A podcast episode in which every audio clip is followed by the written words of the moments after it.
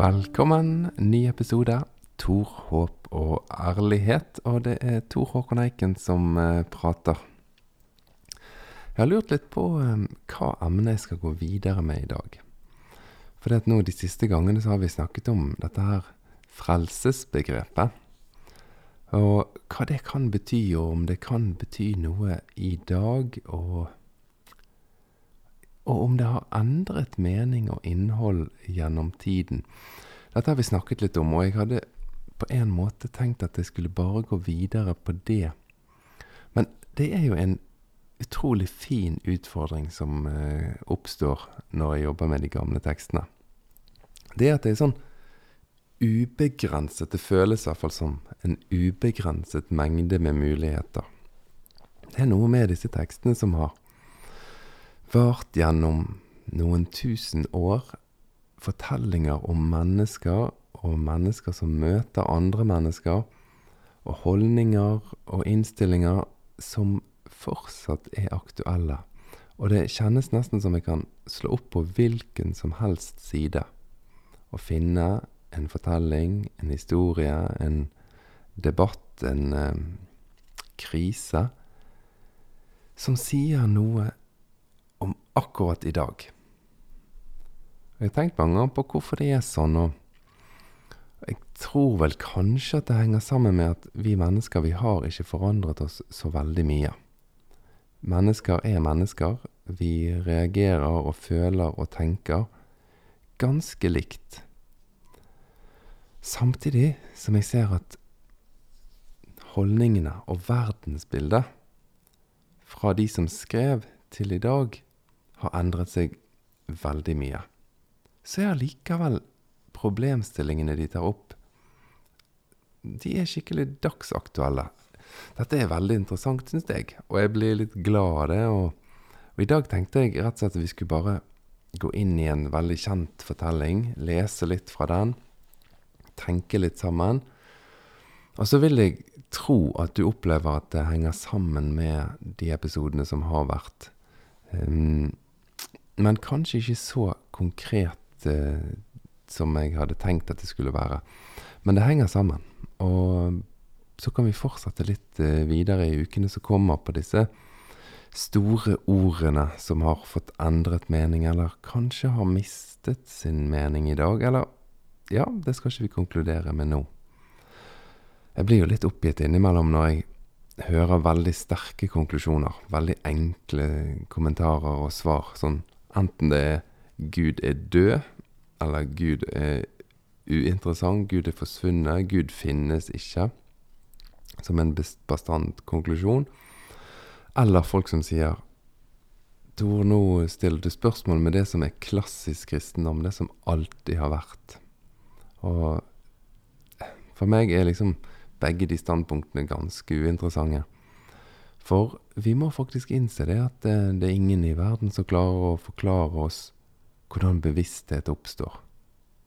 Det at jeg er bevisst på at jeg sitter her nå og gjør denne innspillingen, og at jeg i ettermiddag treffer min kone, og så skal vi treffe noen venner, og så kommer datteren min hjem fra skolen Det er faktisk ingen ennå som klarer å forklare bevissthet. Det er heller ingen ennå som har mulighet til å forklare livets opphav og de store spørsmålene, de store mysteriene. Uansett hvem som forklarer og hvem som prater, så nærmer de seg til slutt noen ord og begreper som minner om det som vi gjennom tidene har kalt Gud. Men det vi har kalt Gud, er jo veldig annerledes i dag enn det var for 1000 år siden, det som vi har kalt Gud, er ekstremt annerledes i dag enn det som vi kalte Gud for 2500 år siden. Begreper og forståelser endrer seg. Bare sånn på gøy for å underbygge den illustrasjonen, så har jeg lagt ut uh, to bilder på Facebook nå. Det ene er et bilde av eh, svartedauden, som uh, var en ganske alvorlig sykdom som spredde seg gjennom hele verden. Og det andre bildet er av covid. Ja, to store sykdommer som spredde seg gjennom verden, men bildene av de er ganske ulike og forteller ganske mye om endringen av verdensbildet. Endring fra et verdensbilde der gudene kranglet og var mennesker som eh, menneskelig, som gjorde at de ble sinte og mistet kontrollen og ja, alle mulige ting til et verdensbilde der vi tenker at nei, den orkanen oppstår ikke av at Gud er sint. Den oppstår fordi at det er endringer i klima, fordi at det er endringer av eh, luftstrømmer. Ting har endret seg mye. Men vi mennesker, vi sitter allikevel med ganske mange av de samme behovene og ønskene i dag som de gjorde for noen tusen år siden. Og nå skal jeg lese en veldig fin fortelling til deg. Den står i eh, dette evangeliet som er kalt for Johannesevangeliet. Og den eh, begynner litt eh, snodig. Det er kapittel fire jeg leser fra. Jesus fikk nå vite hva fariseerne hadde hørt, at han vant flere disipler og døpte flere enn Johannes. Riktignok var det ikke Jesus selv som døpte, men disiplene hans. Da forlot han Judea og dro igjen til Galilea. Bare den innledningen syns jeg er litt spennende. Vi har ikke endret oss mye. Her får Jesus informasjon om at ja, nå er fariseerne klar over at det blir flere som følger deg, enn de. Flere som tror på din tolkning og forståelse av livet enn den som tror på deres tolkning og forståelse av livet. Og da reagerer Jesus med at ja, men da må han dra vekk herifra. Altså kampen, kampen om makt, den har ikke endret seg. Kampen om eh, å ha etterfølgere som, og medlemmer og hvem som da er størst og best, den har ikke endret seg. Vi mennesker, vi holder fortsatt på med dette her albuer og krangel og ryktespredning og bakholdsangrep. Det driver vi med. Men jeg syns jo Jesus sin reaksjon er ganske interessant, da. At han tenker som så at ja, nå vet jo de om dette. Da kommer de sannsynligvis til å reagere, fordi de syns ikke er populært at det er flere som følger de enn Nei, meg enn de. Ja, vet du hva, da drar jeg herfra. Så drar han Eh, forlot han Judea og dro igjen til Galilea, der han kommer fra. Og så står det at han måtte reise gjennom Samaria. Det måtte han ikke. Eh, så dette er nok noe forfatterne putter inn bare for å vise at eh, Jesus dro den veien som jødene vanligvis ikke dro. For gjennom Samaria, der ville de ikke dra. Samaritanerne, dette har du hørt før, var et folkeslag som jødene så veldig ned på. Jesus sin samtid så veldig ned på de, og ville ikke ha noe med de å gjøre. Det var under deres verdighet å gå blant dette her elendige folket. Men han gjorde nå i hvert fall det. Det er mye du kan si om hvert, nesten hver eneste linje, men det vet jeg at det vil ikke du synes er så interessant. Nei. Ja, han måtte reise gjennom Samaria, og der kom han til en by som het Syker, like ved det jordstykket Jakob ga til sin sønn Josef. Der var Jakobskilden. Jesus var sliten etter vandringen, og han satte seg ned ved kilden. Det var omkring den sjette time.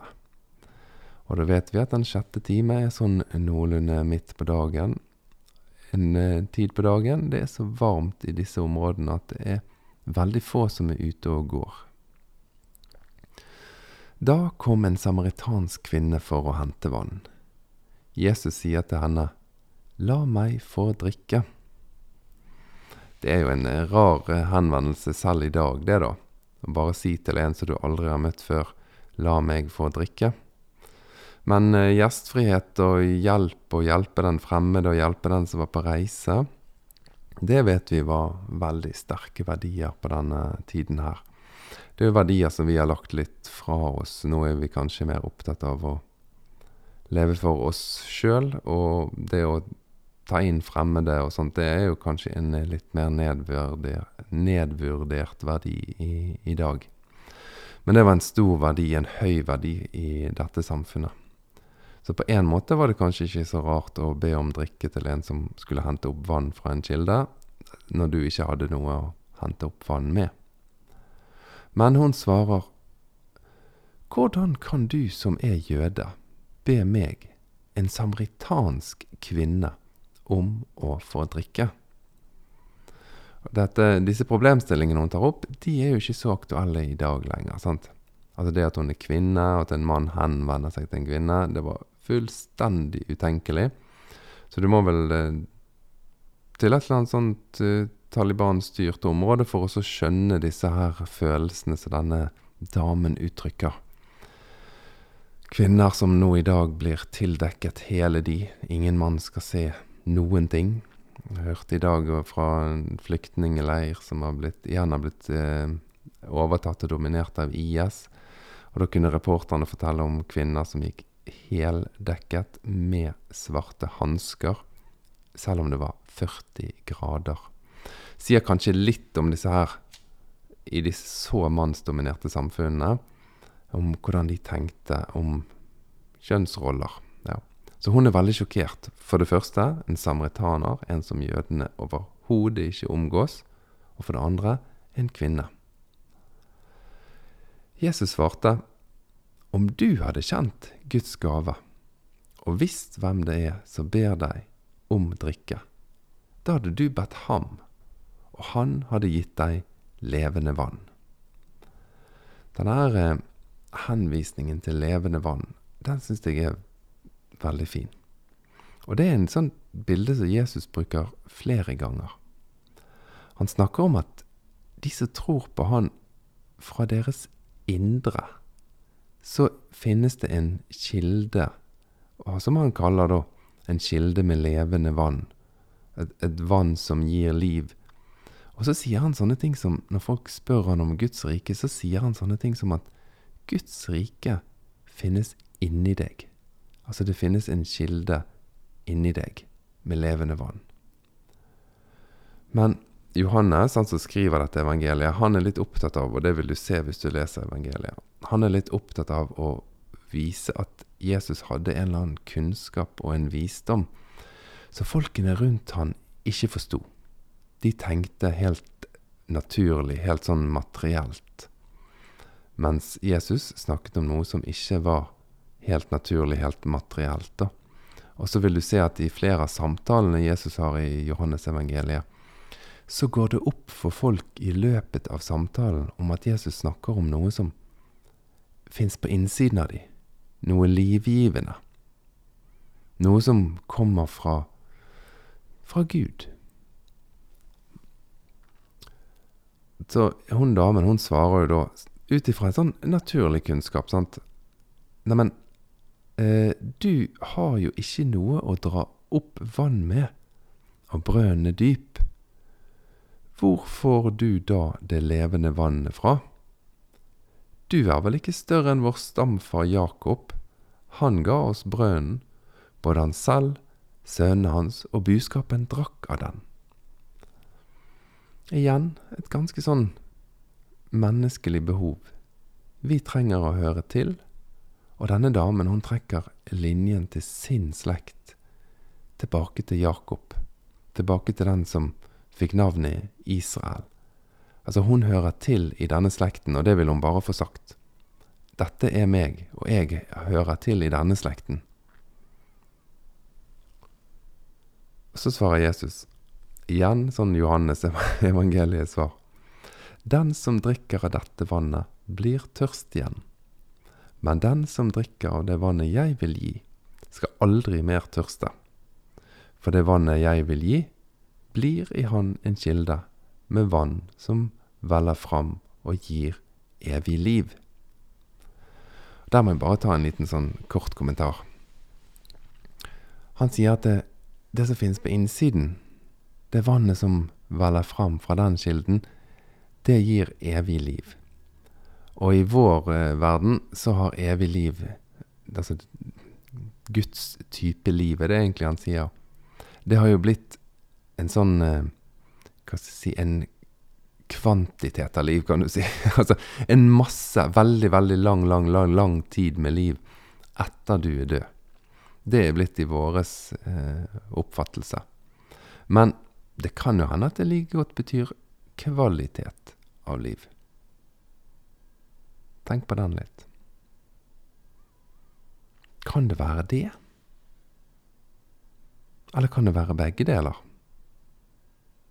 Jeg stiller nå noen spørsmål her. Kvinnen sier til han, Ja, men gi meg nå dette vannet, da, sånn at jeg ikke blir tørst igjen, sånn at jeg slipper å gå her til brønnen og hente opp vann. Da sa Jesus til henne, Gå og hent mannen din, og kom så hit. Rimelig krass overgang i samtalen nå, det må jeg si. Men hun svarer jo da, Jeg har ingen mann.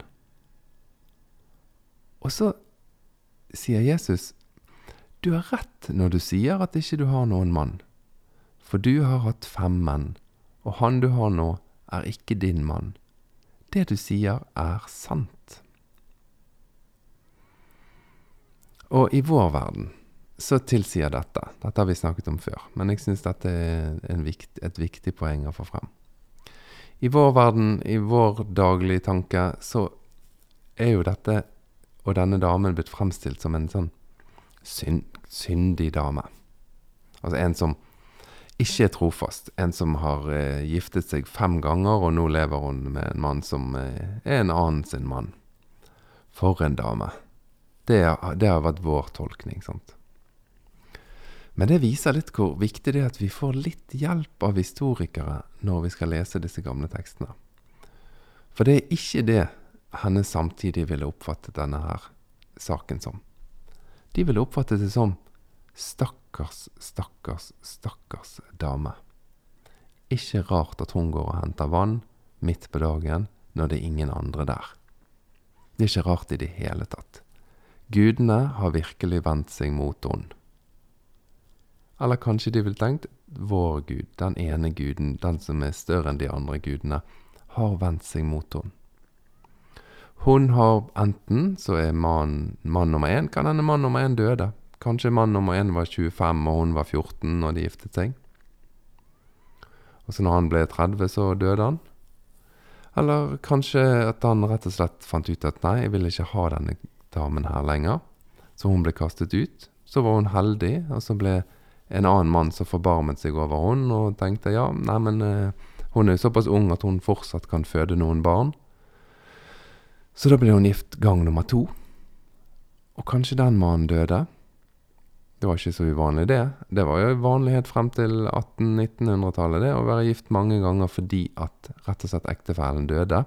Vi levde ikke så lenge. Sånne lange ekteskap og samliv som vi har i dag, det er jo en helt ny, unik situasjon i verdenshistorien. Men i så fall, dette gjentok seg, og tredje gang enten at han døde eller at hun ble kastet ut. Og fjerde gang Tenk hvordan det er, da. Som dame har du ingen rettigheter. Du trenger en mann som kan forsørge deg. Du må bare være takknemlig hvis det finnes en som sier ja, neimen greit det, vi kan gifte oss, vi. Da kan du få mine barn. Og når dette hadde skjedd fem ganger Fem ganger, tenk på det. Fem ganger står du der med luen i hånden, som vi ville sagt på norsk, og håper på at det er en eller annen som kan være villig til å ta deg til sin seng og gjøre deg gravid, så du kan bære frem hans barn. Og når det har skjedd fem ganger, så er det en som til slutt sier ja, nei, men greit, du kan få bo her. Men jeg vil ikke gifte meg med deg, for da må jeg ta ansvar for din forsørgning. Jeg vil ikke ha noe ansvar men du kan få bo sammen med meg. Hvor gammel denne mannen var, hvor gammel hun var, dette, vi aner ingenting. Men hun har blitt kastet ut, mistet tilhørighet, mistet fellesskap, mistet trygghet, mistet forsørgning. Fem ganger. Og nå lever hun fullstendig uten trygghet. Som en flyktning uten papir. En uten beskyttelse. Og historikere vil kunne fortelle deg at kvinner i hennes situasjon, de hadde ikke så mange andre valg enn å prostituere seg for å overleve. Prostitusjon var veldig, veldig vanlig. For spesielt for de som da ikke lenger hadde en mann. Alle disse tingene her, de må ha vært ganske vanskelig for denne damen. Ikke bare det at hun har blitt forkastet så mange ganger, noe som i seg sjøl er veldig smertefullt, men vissheten om at du får som fortjent. Dette er noe jeg har gjort, eller kanskje det er noe foreldrene mine har gjort, som gjør at jeg er en sånn ulykkelig og elendig sjel. Dette er som fortjent. Ikke rart at hun går aleine og henter vann når ingen andre ser hun.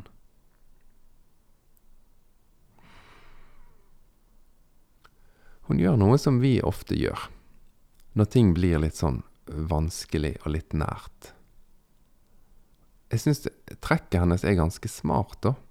Hvis du ikke har lyst til å gå inn på noe som er sånn et ekte spørsmål, et virkelig problem, noe som er ekte vanskelig, ja, hva gjør du da? Jo, hun gjør dette. Våre fedre tilba Gud på dette fjellet. Nei, først sier unnskyld, nå hoppet jeg. Først sier hun, Herre, jeg ser at du er en profet. Gir anerkjennelse til denne mannen som har akkurat sagt at han vet hvordan livet hennes er.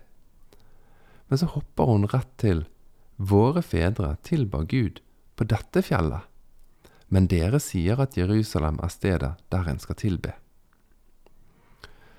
Ja, Smart, hæ? Rett inn i en religiøs politisk debatt. Dette er jo den store stridskjernen mellom samaritanerne og jødene. Det fins etterkommere av samaritanerne fremdeles som holder fast på den religionen, som er en sånn type jødisk eh, variant uten profetbøker, og der de har litt færre, færre bøker i Bibelen sin. De har vel Eh, hvis jeg ikke tar helt feil, så er det Mosebøkene som var på en måte det eneste de forholdt seg til. Og de hadde bygget et eget tempel. De dro ikke til Jerusalem, til det store tempelet, til den, det religiøse maktsenteret. De hadde laget sitt eget. Så hun bare bam, inn i denne debatten. Og hva er bedre enn debatt når du kjenner på at dette er en vanskelig situasjon? Finn et emne å diskutere, noe skjule deg bak, late som du har svaret på noe.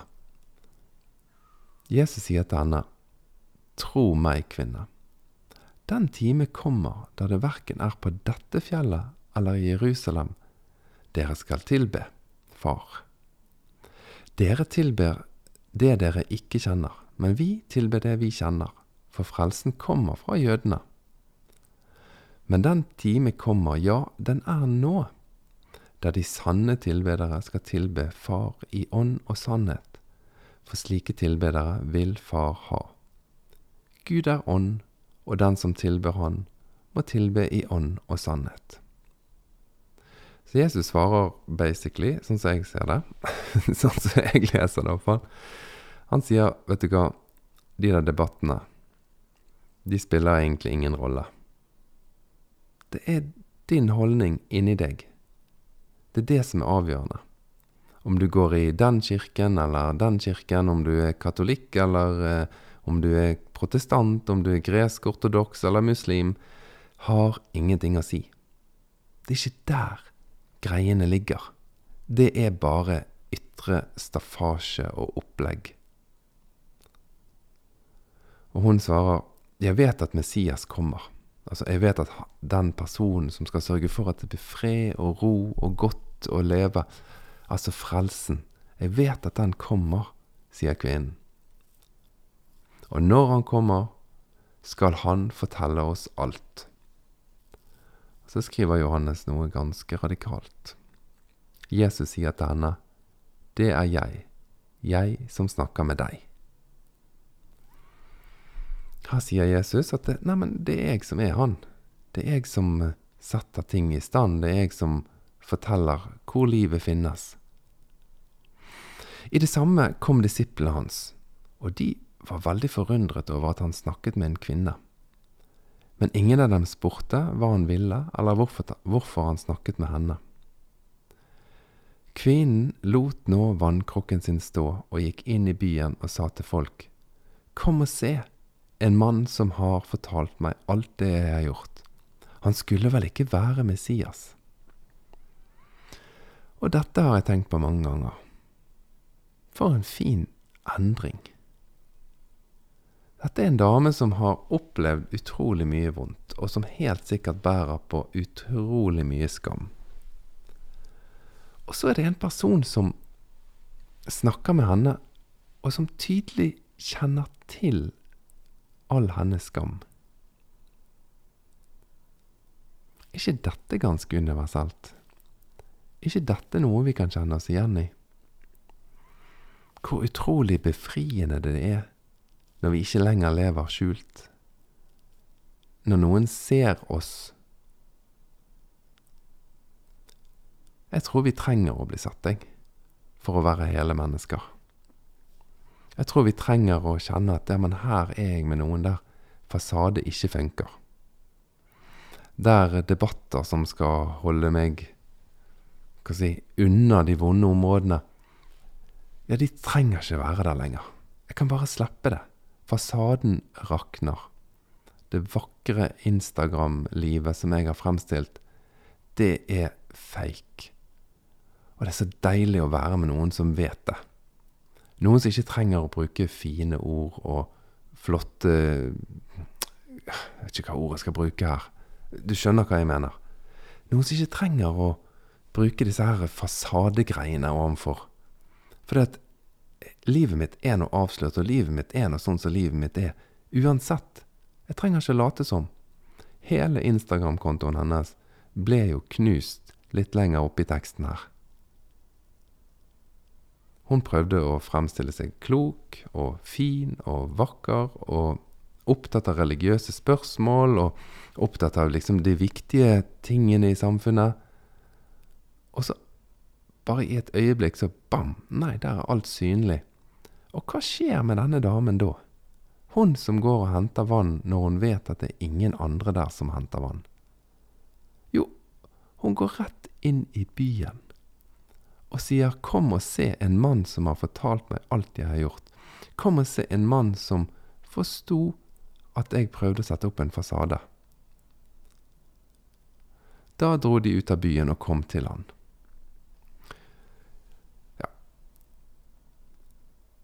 I mellomtiden ba disiplene Jesus og sa, 'Rabbi', altså lærer, 'nå må du spise'. Og så svarer han her, 'Jeg har mat å spise som dere ikke vet om'.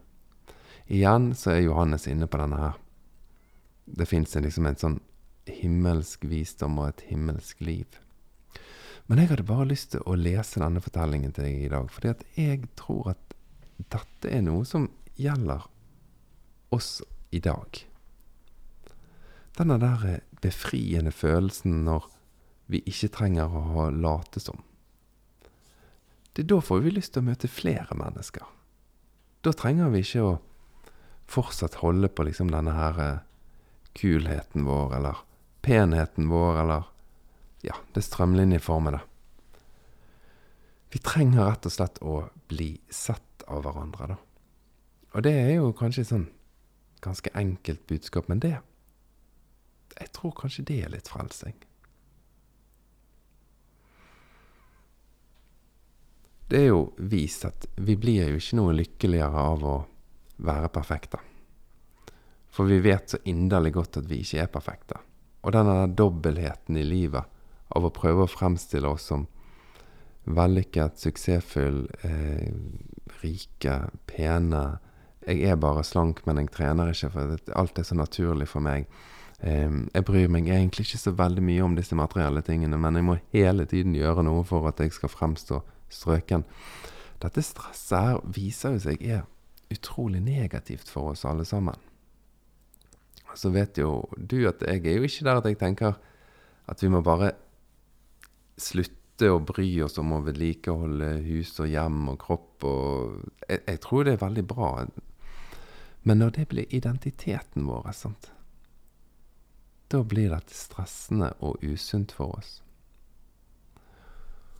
Og vi har virkelig kjent på det der at eh, hvis vi ikke blir sett, så blir livet vanskelig å forholde seg til. Hvis ikke vi blir sett på ekte. Så egentlig i dag så tenkte jeg å bare lese denne fortellingen og kommentere dette kort. Ikke en sånn avansert episode, men det der å opprettholde fasaden, det håper jeg på kan være noe som følger den kristne troen. Det å ikke opprettholde den fasaden. Det skulle jeg ønske var noe som kunne prege det, de miljøene som eh, sier at de er etterfølgere av Jesus. Disse her debattene om hva som er de kristne verdiene, og hva som vi må holde fast med, og hva som er under press, og hvordan trosfriheten er truet og sånne ting. Det der kan vi bare glemme. Det kan vi legge til side. Og hvis du kjenner på at ditt sånt eh, menighetsmiljø er kanskje enda mer sånn fasadestyrt enn andre, så kan du kjenne på at ja, men da tror jeg faktisk ikke gidder dette mer. Det er ikke noe farlig. For det er liksom ikke sånn at eh, det er på dette fjellet eller dette fjellet det er det som er viktig. Er det her vi skal be, eller er det der vi skal be? Nei, hvis de skal tro Johannes-evangeliet, så spiller jo det ingen rolle. Du trenger ikke å være i en uh, sammenheng der du kjenner at du må opprettholde en eller annen fasade. Der du må late som du er veldig strøken og har det veldig bra i en eller annen sammenheng som gjør at du kjenner at uh, jeg skulle ønske at jeg ikke ble sett. Hvis du kjenner at du ønsker at du skulle bare forsvinne under jorden, ja, da er det noen greier som gjør at du blir redd for å bli sett. Og her så sier vel Jesus egentlig at eh, det fins vann på innsiden av deg. Det fins liv på innsiden av deg. Og når du blir sett som den du er, som det livet du har, og som de tingene du har gjort, uten masse, masse filter, ja, da blir du fri til å gå inn i byen og treffe masse folk. Kanskje det er frelse? Det var en eh, enkel Tor og ærlighet. Håper det setter i gang noen tanker, og kanskje du får lyst til å lese Johannes kapittel fire. Takk for at du følger Tor og ærlighet-podkasten. Ha en riktig, riktig, riktig god uke. Tor, håp og ære.